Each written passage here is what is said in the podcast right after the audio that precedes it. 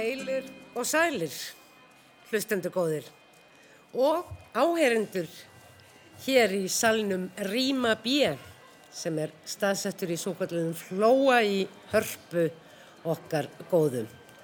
Hér frammi í flóanum flóir allt í bók elskendum, skáldum, útgefundum og öðrum þeim sem helst vilja aldrei fara spönn frá rassa og þess að vera með bók innan seilingar til að lesa.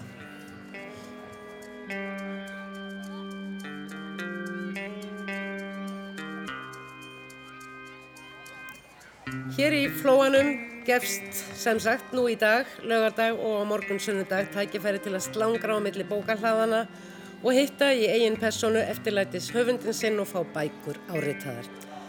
Já, hún dregur ennað bókin, þessi vinsælasta dagradöl og uppspretta fróðlegs, íhyggli og hugarhæðar í hundruðir ára, hvort heldur til að lesa eða hlusta á sem mun vera mikið tekið nú orðið Að minnstakosti ekst bóklestur Íslandinga í fyrsta sinn í langan tíma þessi misserinn. Ekki meirinn það í byli því eins og þeir sjá sem eru búin að koma sér fyrir hér í Rímu B. Er ég ekki einn, heldur í afspyrnu góðu kompaníi, þryggja ungra skálda sem mörg ykkar þekki kannski alls ekki neitt. En ég segi ykkur það að það er alveg komin tími til að kynnast þeim Brynju Hjálmsdóttur sem hér situr með sína fyrstu ljóðabók sem heitir Ókfruman og við hlið hennar er svo Petro Gunnlaugur Garþía sem er líka með sína fyrstu bók Skáldsögu og enga smásmíði Mállýsingjarnir og uh, það þarf enda daldið til að halda auðvunum svona stóra sögu sem þarna er sögð og svo er það hér út á enda Jónas Reynir Gunnarsson sem er reynsluboltin hér með hvorki meira en minn en fimm bækur á bakkinu og rétt tvö ár síðan svo fyrsta kom út. Nýjasta bók Jónasar heitir því Hlílega og allt um vefjandi nafni Þvottadagur.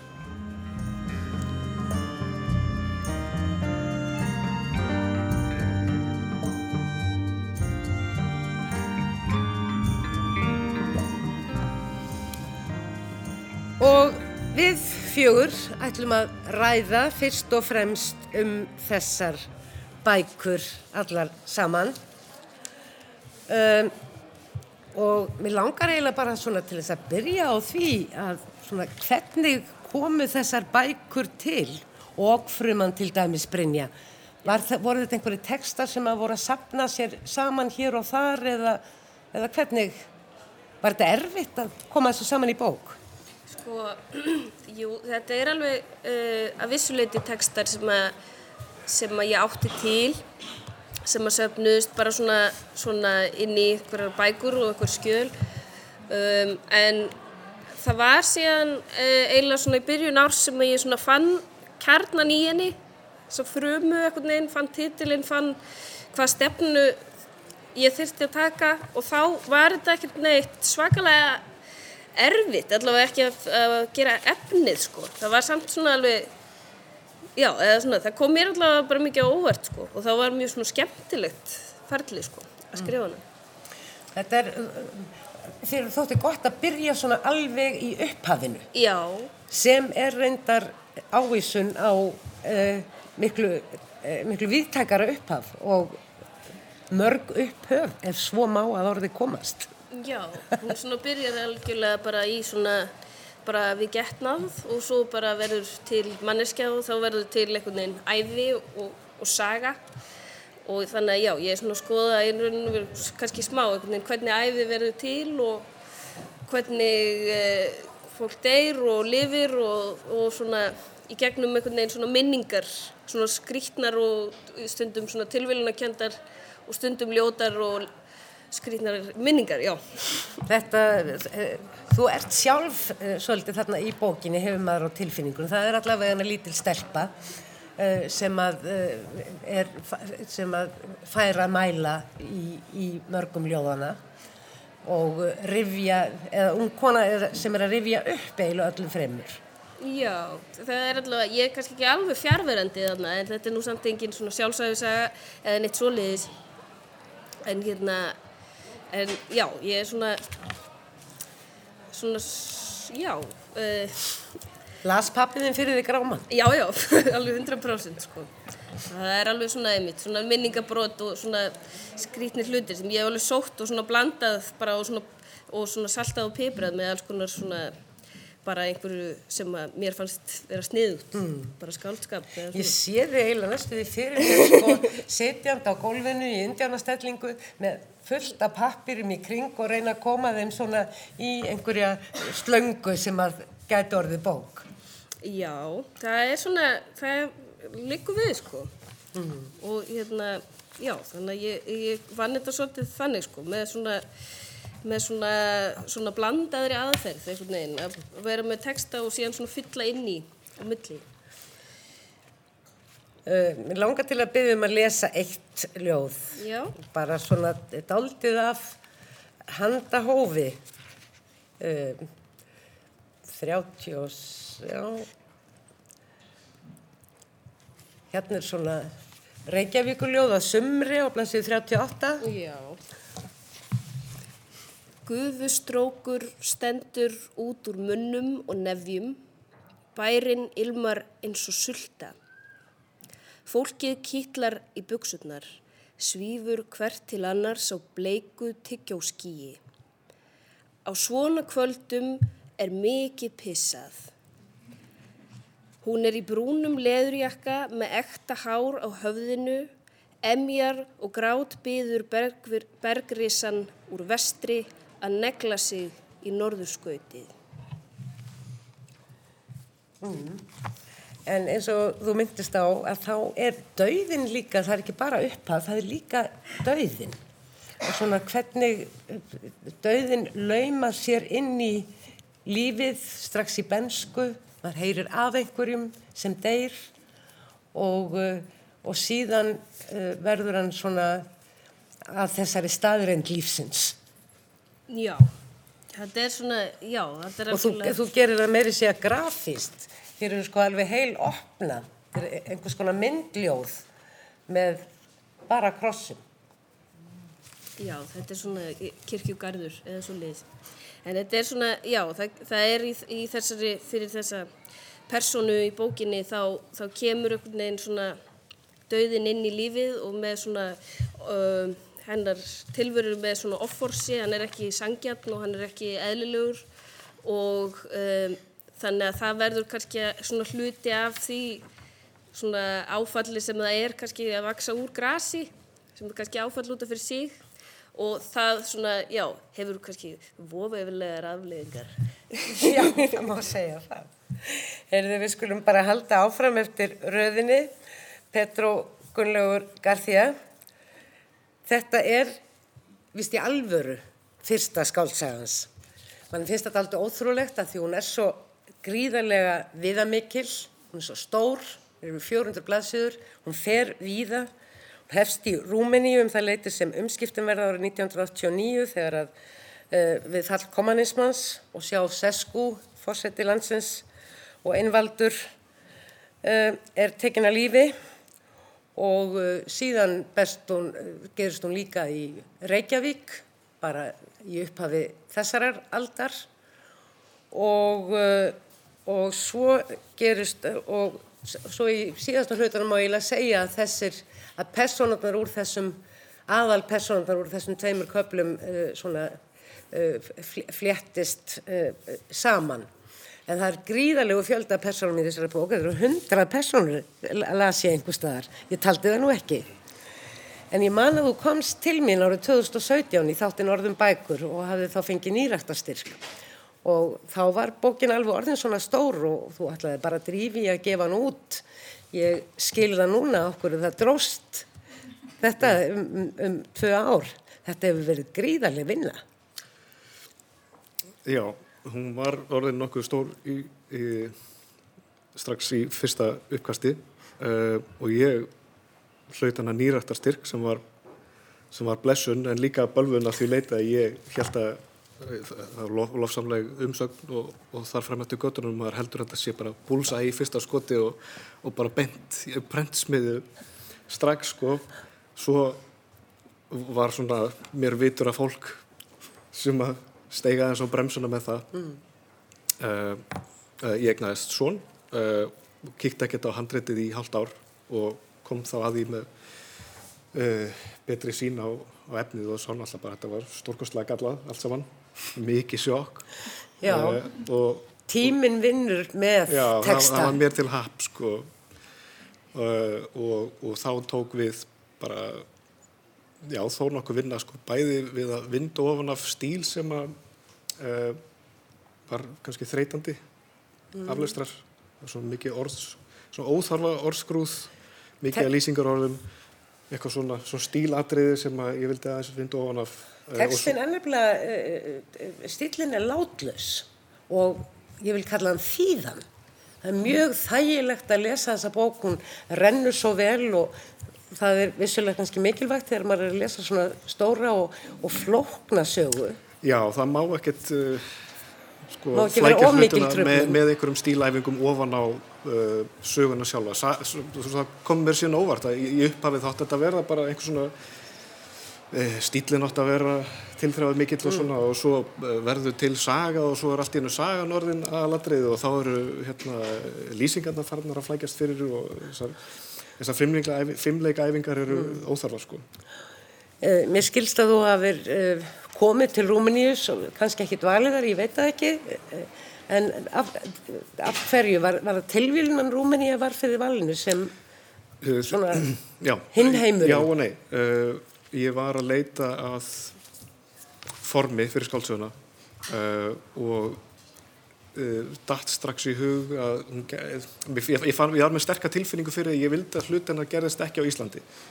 Ég er fættur og hluta til uppalinn annar staðar og það var kannski í Portugal, að, já, í Portugal uh, það sem að uh, kveikti í, í þeim sko, þeir, þeirri leit sko, en þú vildir ekki fara þangað? Vildi ekki fara þangað, nei og, og svo bauðst mér fyrir tilvinnun að fara tungumálanámskeiðar í mánuð Í Portugal eða Rúmeníu? Í Rúmeníu þar að segja og, og, hérna, og þá í rúmensku?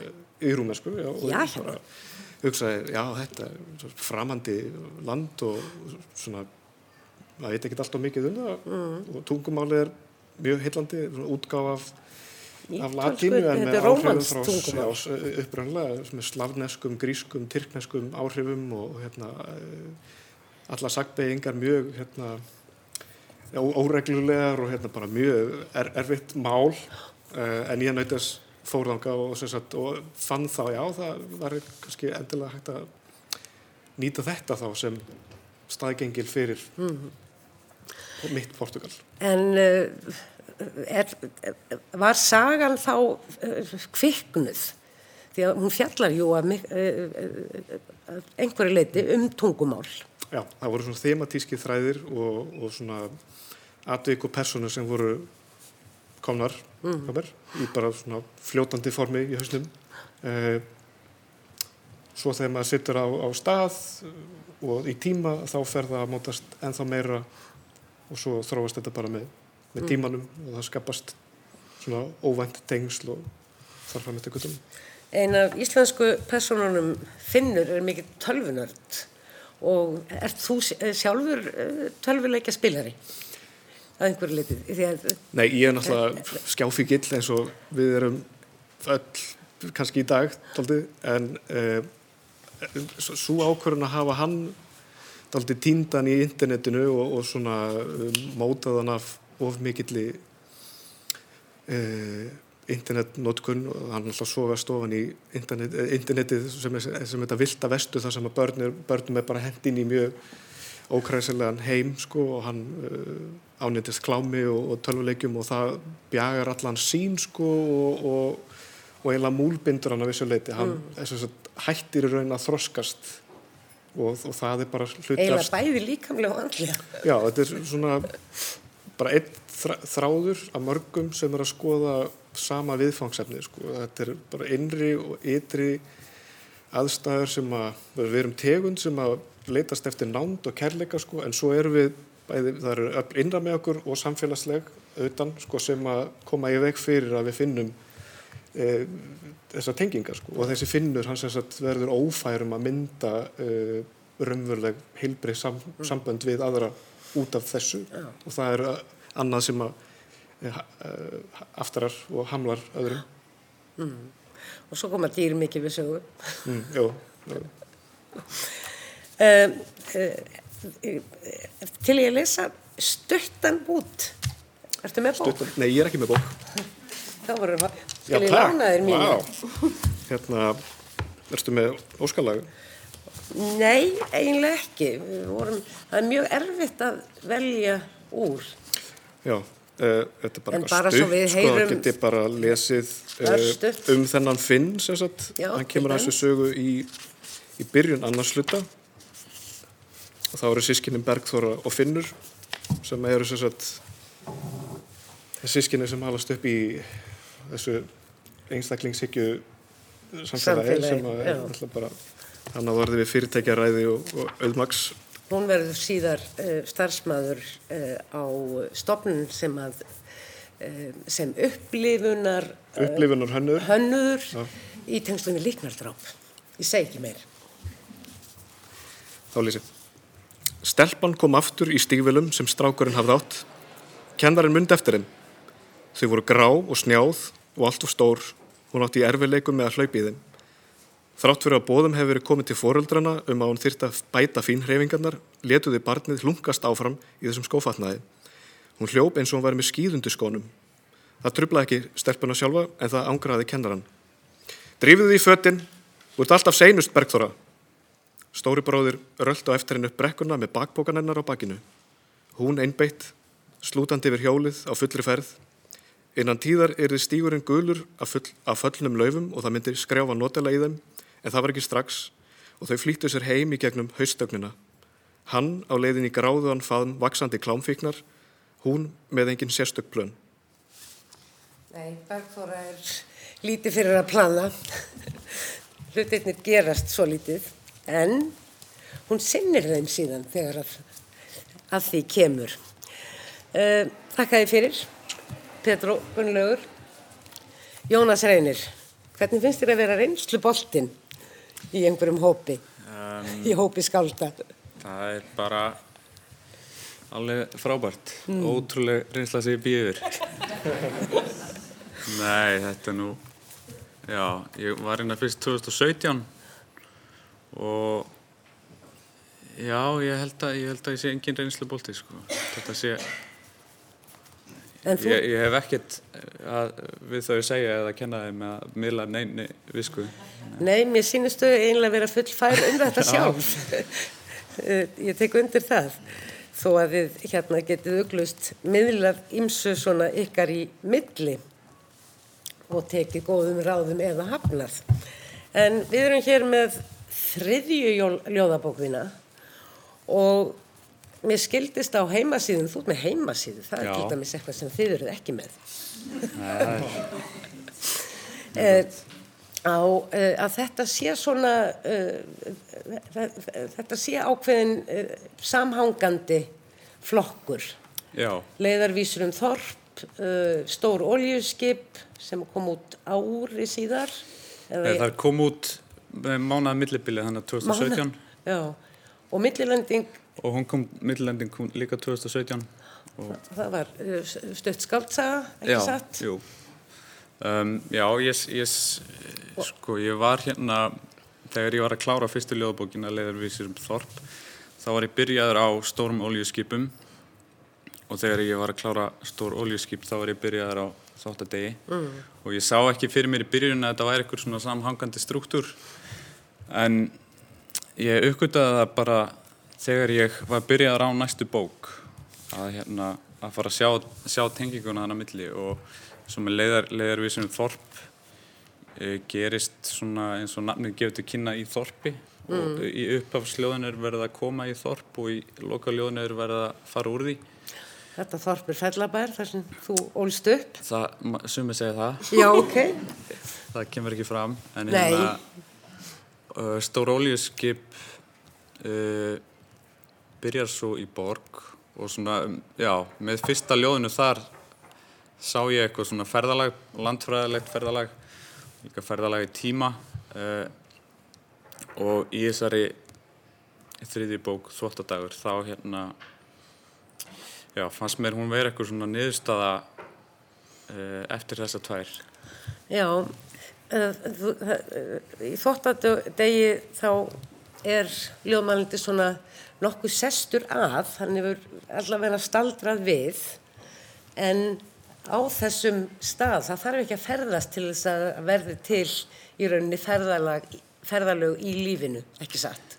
Einmitt, með, það er kannski svona augljósara landfæraðilegt ferðalega á milli uh, tveggja bókana fyrstu.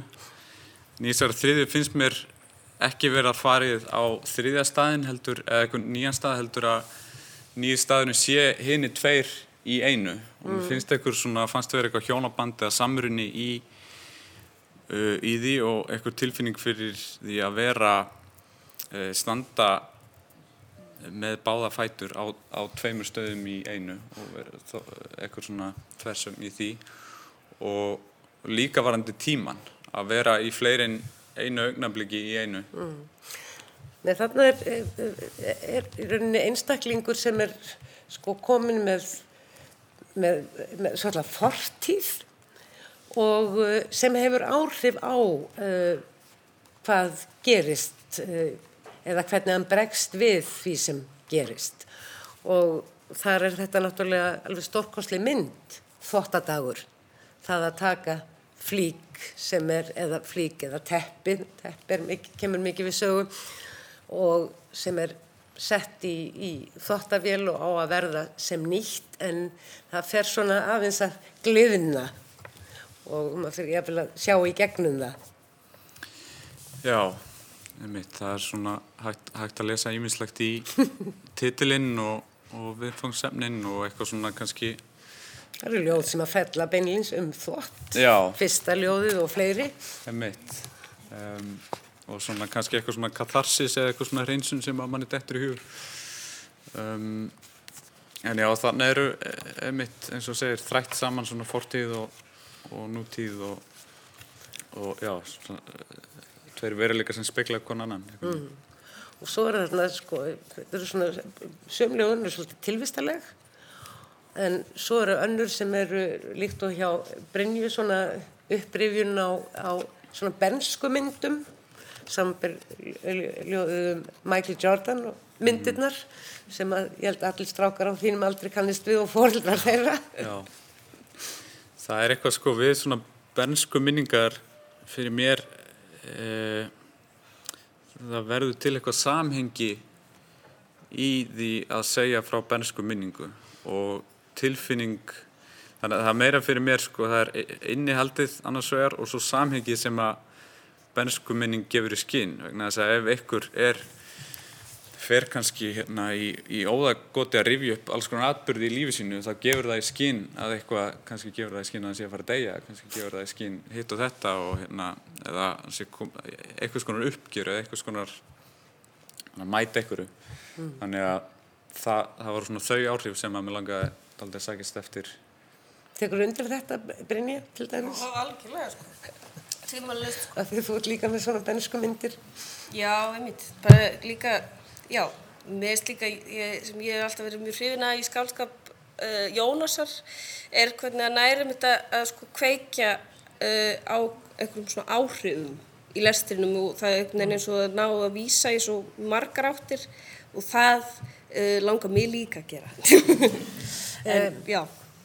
Petra Gunnlaugur, þessi bók, hún virkar á mann sem sko algjör fantasía, sem þú hafði bara sko skáldað og bullað alveg dauðan og djöfilin ráðanessan. En tengi, tengist ímislegt þér? Er ekki all, allur skáldskapur reynsla, saði mér eitthvað tíman eitthvað skáld? Um, þetta, eru svona stökkbreyttar útgáfur af sálarflækjum ímsum sem eru einar með mér og einhvers konar greining á, á þjóðfélaginu, Heiminum. heiminum. Já. En það er, þetta er, maður, sko, þegar maður skrifar, þá er þetta ekki eins og, þetta er ekki bent einhvers svona frels, þetta er svona, það er eitthvað mein sem fær að grassera, þetta er svona frumur sem stökkbreytast og svo verður til eitthvað sem er eitthvað nýtt. Við erum að hlaupa á tíma. Mér langar til þess að byrðið þig Jónas Reynir að leifa okkur að heyra aðeins í þinni bók, fyrsta ljóðið eða Michael Jordan, hvort viltu?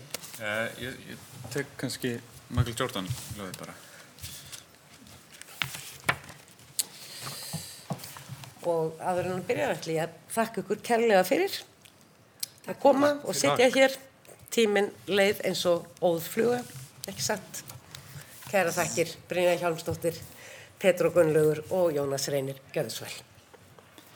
Ég gemdi körfuboltaspilin í ísboksi. Strákanir áttu möppur með kámugum plastvössum. Michael Jordan var dýrasti seðill þessa gjaldmiðils. Svo hætti hann árið 1993 og varð ennþá verðmætari. Þráurðu ekki lengur að spila körfubolta, var Jordan spurður. Þráin verður alltaf til staðar, sagði hann. Ef hún hverfur, stafaði hún ekki af ást. Afi dó árið 1983, fjórum árum áður en ég fættist. Sistir hans kendi handment og rak mig úr tíma fyrir læti. Bróðir hans átti bókabúðuna niður við fljót.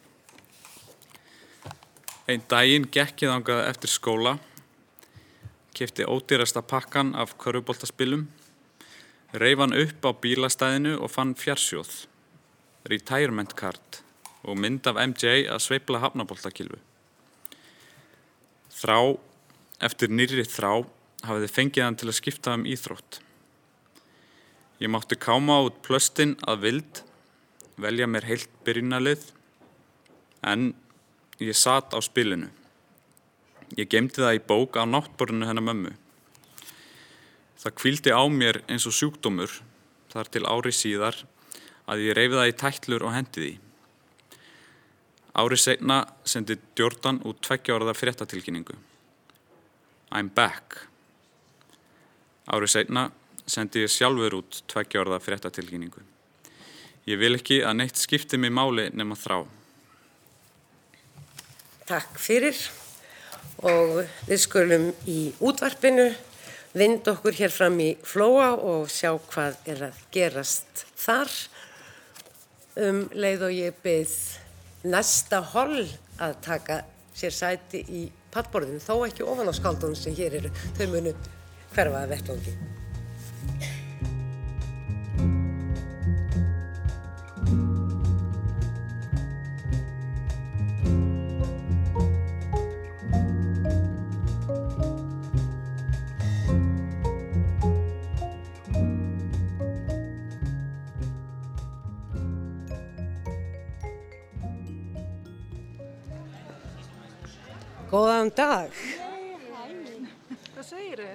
Ég segi allt ágætt en þið, Lára Aðalstensdóttir og Kristín Viðarsdóttir. Við segjum svo ljómandi fín. standa í ströngu síðustu daga. Nei og já, við erum búin að standa í gleði. Þetta er gaman. Er er þetta í þriðja eða fjórða sinn sem bókamessir haldinn? Þetta er í nýjunda sinn.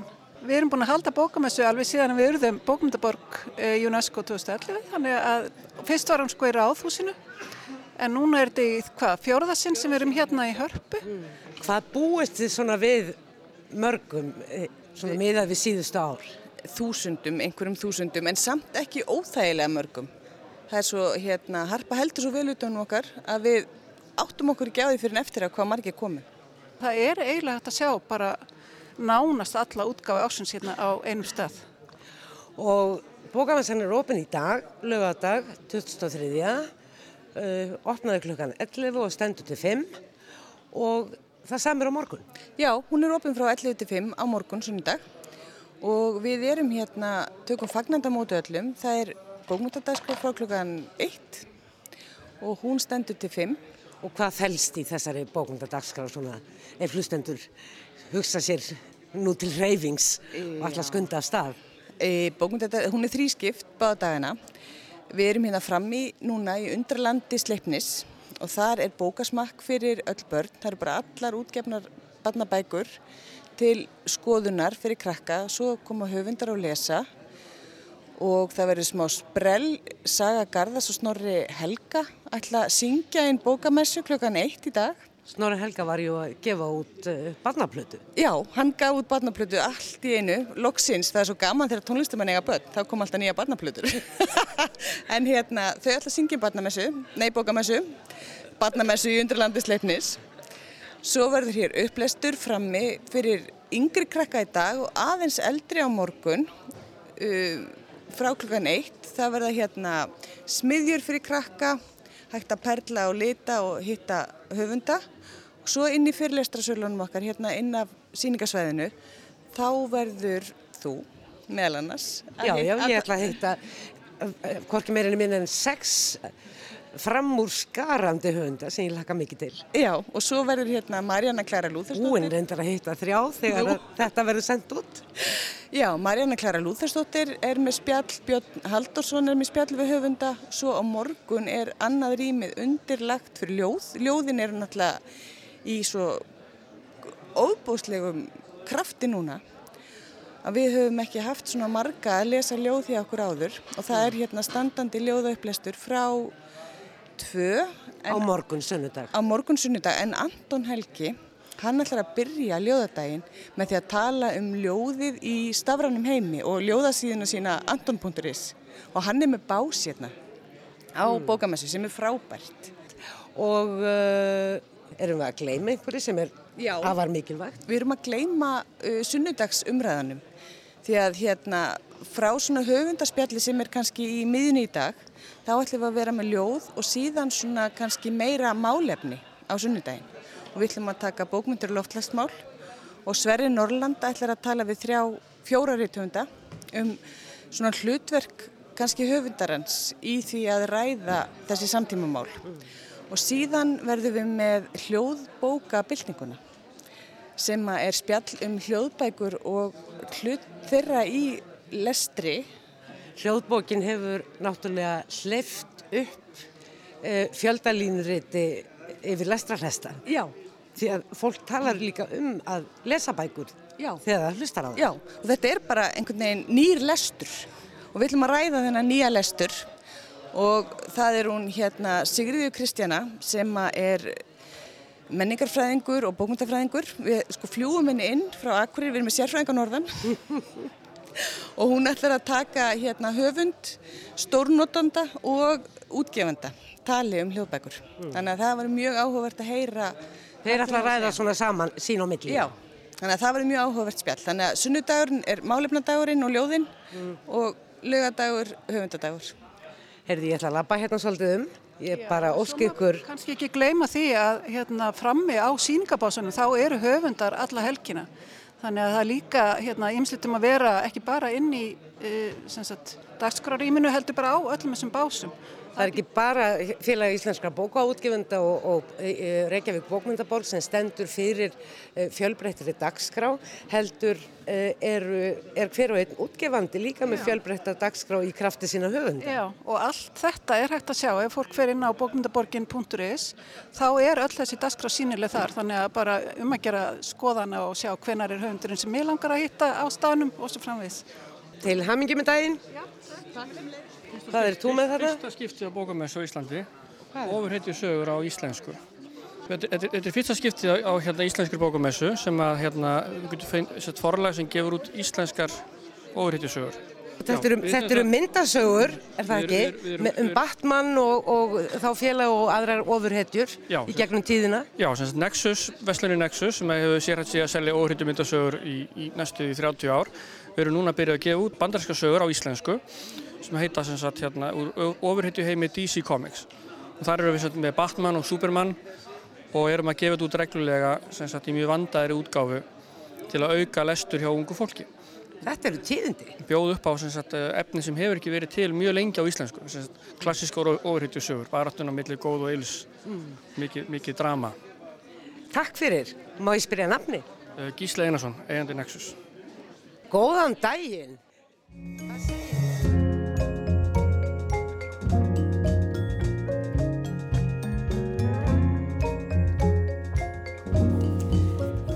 Og þá erum við aftur komin hér inn í rýmu B, frammi, bálar, enn, bóka, messan.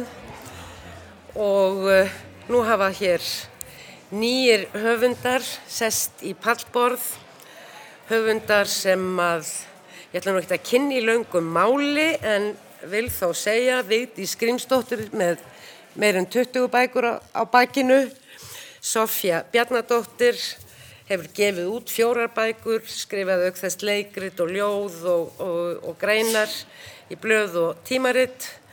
Sömil, það sama má segja um Fríðu Ísberg sem svo hefur gefið út tvær ljóðabækur og eitt smásagnasafn á bara tveimur árum, Fríða, er það ekki? Jú. Þú er búin að vera ansi rösk. Um, þetta verður stutt og snart eins og uh, síðasta pallborð. Ég saði ykkur, ég hefði upphæðlega valið ykkur að því að ég einhvern veginn hugsaði mér þrjár kennslóðir uh, skálkvenna. En svo reyndist það nú kannski ekki endilega rétt, allavega ekki svona í beinum lífsárum talið. En, uh, en personurnar í bókonum ykkar eru kannski af þremur kynnslóðum. Og mér langar til að byrja á því að, að byrja ykkur um svona aðeins að segja frá þessum bókum. Sista Víti Skrimsdóttir, þetta, þú ert uh, að skrifa í rauninni æfisögu, minningabók. Þetta er ekki æfisaga. Nei, þetta er ekki æfisaga. Nei, þetta er sko... En sista er lifandi manneskja og hún sagði þér ýmislegt. Já, hún heitir Sigrún Sveinbjörnsdóttir og er alveg bráðlifandi og er ekki hérna núna vegna þess að hún er á Akureyri þar sem hún hefur búið síðastliðin 40 ár. Mm -hmm. Ég legg til, úr því þetta er í beitni útsendingu, að svona menningaviðborið séu líka að færi þér daldið um landið og þeim útvarpað frá sagt, útlöndum mm. sem er, er í rauninni landið, allt eru útlönd með við Reykjavík. Sko. Mm. Þú býrðað mestu út á landi Nei. og þú helst útgáfið bóðið þitt uh, í tilipna þessa, útkomið þessarar bókar Já, á Akureyri? Það var sista. Já. Hún er afar röksum og dögleg manneskja og hún held útgáfið bóðið heim hjá sér mm. að hamast í 35. Þar var rennandi fullt út úr húsi. Mm. En þetta er sem sagt bensku minningar hennar og sögur af bensku minningum annara. Mm. Þetta er bók um bensku, uh, en það heitir undirtitill á henni Benskunar vegna. Þetta gríðarlega mikilvæga æfiskeið sem uh, oft er ekki skeitt um því allir mikilsverð og stóru viðburðinir í lífi hverjar mannesku þeir gerast síðar. En þannig er jú lagður grunnurinn. En það sem ég fann svo merkilegt við þessa bók, uh, uh, það er svo mikil, uh, já, það er svo mikil gæska í henni. Það er svo, það, hér segir opin manneskja frá, alls ekki ógaggrinin síður en svo og á alveg sitt, sín tvístíg að baki og jáfnvel framundan. En henni finnst mikilsvert, hún komst snemma þeirri niðurstöð að það væri mikilsvert að vera, ég vil ekki náttúrulega orðið jákvæður, vera bara góður. Já. Góður við aðra og uh, góður við sjálfans í rauninni líka. Norðar við Akureyri segja menn ekki góður. Menn segja við skulum reyna að vera sæmilegar manneskjur. Já. Og sista hún segir í bókinu, ég trú öllu sem hún segir, hún segir ég er ekki eitt, ég er allt. Mm. Og, en hún er eins og þú Jórun, þú ert ásvöldlega góð manneskja, eins og þær tvær, þær eru sæmilegar. Ég er, ég er áttur um átti góð af því að er samanlagt, kæmist fyrir inn í mér einni í ártölum séð. Ég geti sem sagt, ég er jafn gömul og þær eru báð til já. Þannig að ég er orðin góð. Þær eru sæmilega. Þú ert góð, Jórun. Þú ert bara að sleikja mig upp. Sko. Ég er aðeins að sleikja upp, en mér langar svo mikið Já. af því að mér finnst þessi bók vera gjöf þessara konu, Sigrunar Sveinbjörnsdóttur, sem situr nú og hlustar á útvarpi fyrir norðan og ég veit það sérsta. að langa mig að lesa bara erindi bókunum. Þetta segir hún á baksíðinu, þetta er tekið innan úr texta bókarinnar. Og er það ekki bara? Jú. og á baksíðinu segir svo og þetta er í rauninni það sem skiptir okkur öll máli og það er nákvæmlega sama hvernig við segjum það á súrjáleiskan hátt, einlagan hátt, hlýjan hátt, grimman hátt, það er þetta sem skiptir öllu máli. Benska okkar allra á sér samhljóm hvar sem við erum við hvaða atlæti sem við búum, hverjar sem minningar okkar eru. Við eigum ómetanlegan fjársjóð í minningum okkar. Að huglega eigin bensku, foreldra og sískina er ferðalag sem hverju manni verður eftirminnilegt um leið og það skýrir lífsín hans. Lítum til benskunar í hvert skipti sem við stígum mikilvæg spór. Allt er benskuna vegna, hvar og á hvaða tíma sem hún líður. Ég það segja ykkur eins og er að þetta er alveg satt. Og þó þið hafi kannski dottið út einhver stað þegar sem ég var að lesa, að þá er það samt satt. Þá er hérna aftan á kápunni og ekki ljúa nú bókatekstarnir. En þetta er beint tekið frá Sigrúnu Sveinbjörnsdóttur sem situr hérna ennþá í útvarfið sista og er að hlusta. Þú nefndir eiginlega líkil orðið í þessari bók, það var þetta með manneskuna, sæmileg eða góð og uh, það kemur líka fram í þessari bók að hún fjallar um þetta mikilsverða og í rauninni kannski eina verkefni sem við þurfum að, að ná góðum tökum á í lífinu. Það er þetta verkefni að læra að vera manneskja og, uh, og um það fjalla í rauninni allar þessar bækur komst ég uh, að uh, raunum. Hún Silva Saudade, Saudade, Sádaði, já. Saudade í hunangsveiðin hennar Sofíu Bjarnadóttur. Hún hefur reyndar svolítið mist tengslinn við sjálfa sig og jafnvel aðra en hún er mjög einarð að finna sína mannesku, þá mannesku sem hún er. Og ljóðmælandan í leðurjakkaveðri, eh, jú, leðurjakkaveðri, Fríða Ísberg, eh, hann stendur svo litið á upphafsreit, þannig kom ég kynnslóðum þarna að í þessu og veldir því mjög fyrir sér hvernig best er að snúa sér í því að verða manneskja, hvernig er hægt að vera töff en líka opinn og móttækilegur. Og svo eru þessar konur, eða já, eða, eða þessar personur, þetta er allt skáld með einhverju mæti. Annarkort verðandi skáld, óvitandi skáld eða hafa valið að skálda æfir í aðtöfnum og gerðum til góðs. En við ætlum að heyra meira um þessar bækur ykkar, Sofía Bjarnadóttir. Þú, þetta er æfintýri, þetta er mikið æfintýri, þetta er raunverulegt æfintýri að kona sem að leita sér hjálpar vegna þess að hún er með flugu í augunum. Já, já hún, er, hún þarf hjálp, þessi kona, eins og við öll þurfum. Og, og hún leitar til tengslafræðings til þess að reyna að finna einhver tengsl við sjálfan sig. Og hann heitir Tómas Ó og hann fer með fólki svona hóp meðferðir eitthvað, ykkur ferðalög til útlanda. Og þau fara til Portugal á samt einum öðrum manni og Honum Rónald sem er rithöfundur. Já, já, hann er rithöfundur, hættulegur rithöfundur. Og, og þessi ferð er svolítið óvægin og þessi þerapía er frekar erfið myndum við segja, það er svona kannski bara erfitt að lifa hann af. Og þau eru svona öll, öll að einhvern veginn að fást við já, að tengsl og söknuð. Og í rauninni þá hérna er kannski það sem er sam, svona, sama á við allar personundar í bókin er kannski að skilja ekki alveg sjálfan sig Mm. og hérna er að leita að þessu, hvað er, hvað er dýrmætt sko, hvað er, hvað er að gera við sig Og einhver staðar er uh, tré, einhver... Já, einhver staðar eru Ah, trén í já, heiminum, já. en það er alveg eitt, alveg sérstakt tré Já. sem að er svona, sem er bæði tenging uh, ennar Silvu Mhm. við uh, sína fjölskyldu og, og uh, já, fortíð og þar með mm samtíð og, og framtíð. Því að þetta, er, þetta tré er ammennar Já, akkurat.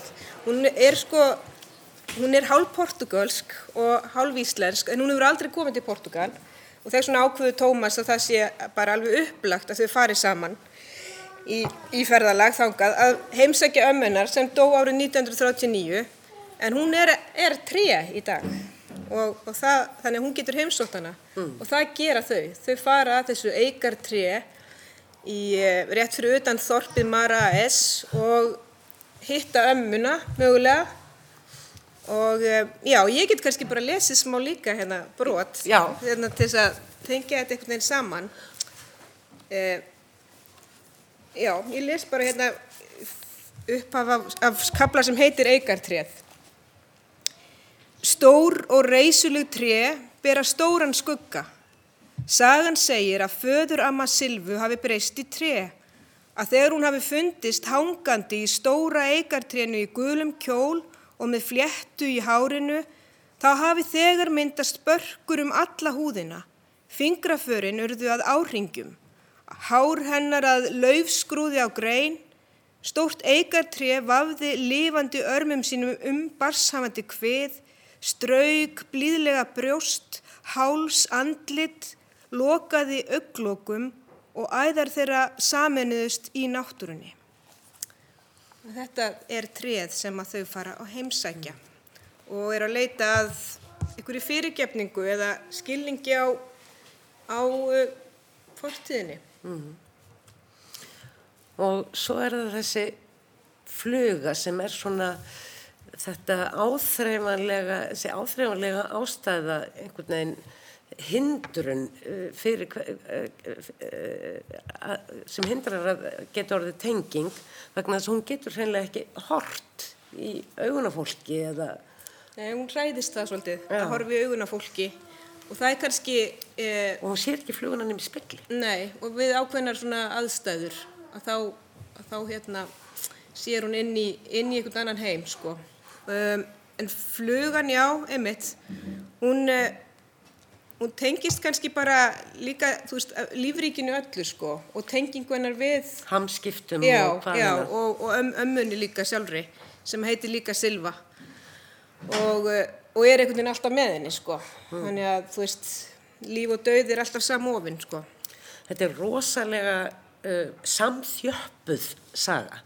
já, Ég get ímynda mér að hún hafi verið einhvern tíma snögtum lengri en síðan Mhm. hafi verið virkilega sko svoðið upp á henni hvað þetta er annars. já, ég er svona já, ég stittar að tölvert sko, var, hún var í svona um nokkurt skeið og hérna já, og Eins og gjarnan er. já, einmitt, þannig að ég, ég er búin að svona eima svolítið textan Mm. já Fríða, nú þú. Nú ég? Já. Með þína, uh, þinn ljóðmælanda og þín ljóð. Er þetta ljóð sem að verða til í beinu framaldi af uh, fyrstu ljóðabókinu þinni Slitförin sem að var svona einhvers konar upphaf á, á uh, uh, lífsins ferð? Svona Já. fæðing og, og, og hvernig maður svona fótar sig í henni sleipu tilveru sem, sem lítil. Algjörlega, ég hérna, var byrjað að skrifa leðurjakkaveður uh, áður en að slitferðin kom út uh, þannig að það má vissulega segja að þetta séu svona mér líður svolítið eins og þetta séu tvær hliðar á saman peningi Já. uh, en hérna en já, þú segir sko ljóðmælandi uh, ég hugsaði þetta nefnilega sem ljóðmæland, ljóðmælandur og ég nýtt Ég skil. Ég nýti mér í rauninni ákveðna tvíhyggju í bókinni til þess að skapa núning milli innra sjálfsins og ytra sjálfsins og sviðsett í rauninni þessi tvö sjálf sem í fyrstu personu og síðan í aðra personu. Og þannig að fyrsti ýmislegt. Já, fyrsti kaplinn heitir sér bara 1P sem er bara fyrsta persóna og annar kapli heitir 2P, bara önnur persóna og þriði kaplinn er við, það sem er, er verið að reyna að, að uh, já, ná einhverjum sáttum millir þessara sjálfa. Um, Og ég hugsa þessa bók fyrst og fremst sem kannski útskýringu innra sjálfsins á eh, tilurð og tilgangi og nöðsin ytra sjálfsins. Og hérna og líka sko samtímis er innra sjálf að fletta ytra sjálfinu ofan af sér. Og ytra sjálf er, er auðvitað leðurjakkin sem er töffarinn og er útþenslan og er hérna svona þetta, þetta svona staðhæfingin þú veist. Og, uh, og undir niðri er þessi viðkvæmni viðkvæmi kjarni sem að vill ná tengingu við annað fólk. Og auðvitað þegar maður er klættur í varninnar sínar þá er það erfiðara. En á sama tíma er svo ótrúlega hérna, vand, vand með farið að, að, hérna, að vera berskjaldaður alltaf. Og maður áhuga ekkert að vera útofnu í tíma og ótíma. Þannig að þetta er svona, þú veist og síðan einhvern veginn þegar líður á bókina þá fer þetta að verða margraðara, þá hættir sko í síðasta kaplanum hætt, hættir ljóðmælandin að tala um tvennuna og fer að tala um margskiptingu. Mm. og þá hérna einhvern veginn kallast það svolítið á við kannski kápuna Já. það er einhvern veginn hérna raukt og fer út í kúlið og, og síðan eru mörgleg Þannig að, já, viðkvæmni það eh, er líka svolítið gegnumgangandi tema í þessum bókum öllum að vera viðkvæmur. Og ég gekk mér sér svo langt að ég fór að fletta því upp er, hva, hvað skonar orði er þetta viðkvæmi og það er, það er ekki eins og er ekki eins og í orðsifja bók En það þetta er bara já, þetta er bara við, að koma já. við. já, og, og, og, og það er að leiðandi að finna fyrirtaka nærri sér. En viðkvæmnin er svo mikilvæg og mér finnst þú hérna gera henni svo flott skil fríða í uh, ljóði þar sem að reyndar eh, fleiri eiginleikar í þessari ljóðabók eh, koma fram. Það er ljóðið Móralkona til ég að lesa það? Já, alveg sjálfsagt Móralkona Ég hef alltaf verið móralkona, óráleg móralkona, hrætt við að íta á ranga takka, en raungu takkarnir eru ekki alls slæmir. Íttu á K í staðin fyrir M og móralkonan verður kóralkona. Kóralkona í kóralrefi, í sambíli með heilu litrófi af lífverum, í ofur næmu vistkerfi. Hörpuskilin er brotætt en hún ver lindýrið. Mér langar að stopna styrtarsjóð fyrir viðkvæmnina, sapna nógu miklu til þess að viðkvæmnin fái loksins að vera styrkleiki, föl bleik, æðablá, fegurð. Takk fyrir. Ótrúlega fallegt. Þessar bækur ykkar eru ótrúlega fallegar og það er sáfsöki í þeim öllum og það er tvískinningur og baráta en það eru fallegar.